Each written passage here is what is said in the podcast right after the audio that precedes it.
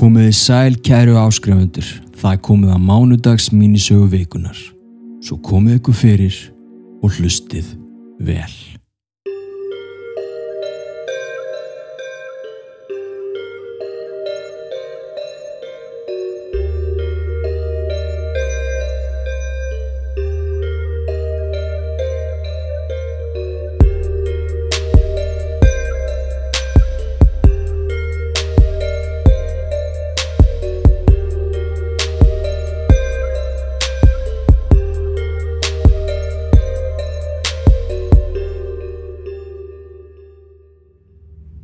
Saga þessi gerist síðla kvölds að hausti til.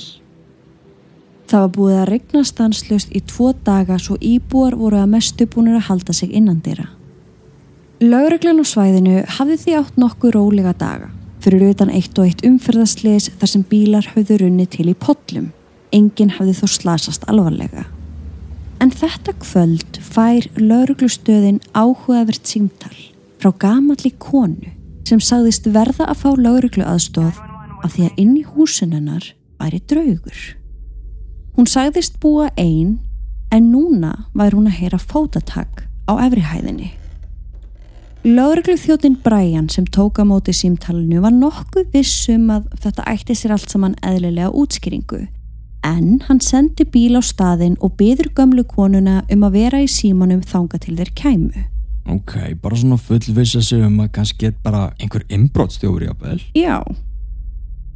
Gamla konan heldur áfram að segja honum frá því sem hún var að heyra, en skyndilega þagnar hún. Brian spyr hana hvað sé að gerast og með skjálfandi röttu segir gamla konan að fyrir utan rennihörðina sem var búin til úr gleri stæði maður og að hann starði á hana. Brian byður hana um að lýsa manninum en gamla konan sagðist ekki sjá hann nægilega vel út af regningunni en hún taldi hann vera hávaksinn í síðri regnkápu með hættu á höfðinu. Brian reynir að segja gömlu konunni að koma sér inn í eitthvað herbergi og læsa því en konan þorði ekki að reyfa sig.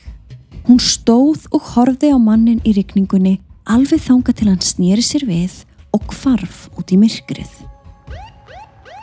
Hún heyri svo í bíl fyrir utan.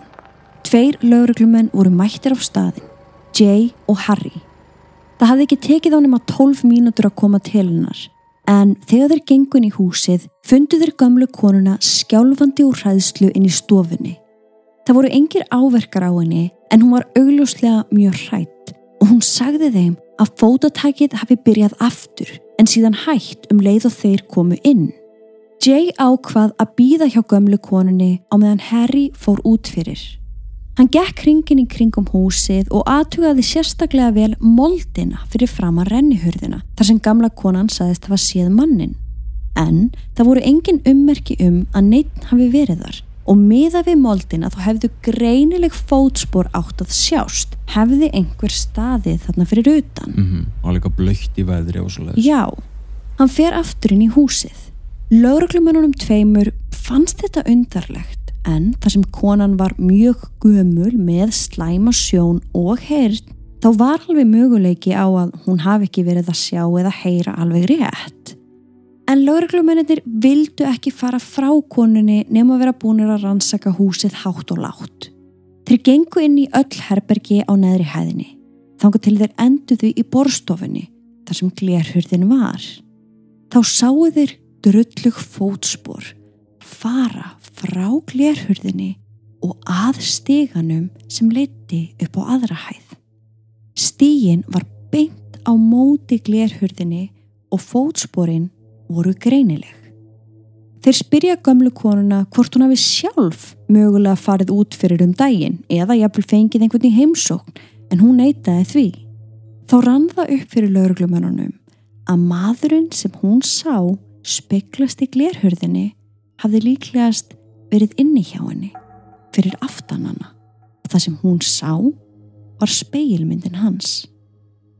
Þeir horfðu á hvort annan og á sama tíma heyra þeir greinilegt fótatak á efrihæðinni. Það var augljóslega einhver inn í húsinu. Þeir tóku upp bissurnar og gengu upp stegan alveg vissir um að hvað og hvenar myndi innbrottstjófurinn láta sjá sig. Þeir fóru frá einu herbergi í það næsta en þar var engan að sjá. Til öryggis ákváður líka að aðtuga upp á háaloftið. Þeir gengu upp þröngan og dimman stega. Á mótið þeim tók svarta myrkur. Harry tók þá upp vasaljós og lísti á undan þeim. Þarna var ekki mikið að sjá í fyrstu. Tómir kassar og jólaskraut. Lauruglumennir opnuðu hvern einasta kassa til að aðtuga hvort einhver væri að fela sig þar, bara svona til öryggis, en aftur þá var engan að finna. Rétt áður en þeir fara aftur niður, pikkar Jay í aukslina á Harry og bendir á lítinn glukka sem var innst inni. Fyrir neðan glukkan mátti sjá drullug fótspor sem voru alveg eins og fótsporin sem verðuðu séð fyrir framann rannihurðina. Nefn að þessi fótspor virtu spyrtast upp úr þurru, fara fram hjá glukkanum og inn í vekkin. Og það sem var ennþá fyrðulegra var að seinasta fótsporið var hált eins og raunverulega einhver hefði gengið inn í vekkin. Eftir að hafa leitað í húsinu hátt og látt sáu þeir engra annar að kosta völ en að kveðja konuna en þeir báðan að vinsalast um að ringja ef hún erði vör við eitthvað aftur. Gamla konan ringdi nokkru sinnum á laurugluna eftir þetta og alltaf saðist hún heyra í einhverjum upp á efrihæðinni. Stundum var það fótotak og stundum rattir. Lauruglan kom ávalt á staðin og tók hann út en aldrei fannst neitt. Nokkrum árum síðar ákvað fjölskyldan hennar að flytjana inn á elliheimili og selja húsið og fjölskyldan sem fluttið ákvað inn hefur aldrei orðið vörfi neitt óðrilegt. Og þá spyr maður sig, var draugangurinn tengdur húsinu eða fylgdan kannski bara gömlukonunni? Engin veita fyrir víst en lauruglu þjónandi tveir sem að syndu þessu útkalli eru sammála um að þetta sé eitt óhugulegasta mál sem þeir hafa nokkuð tíma rannsakað.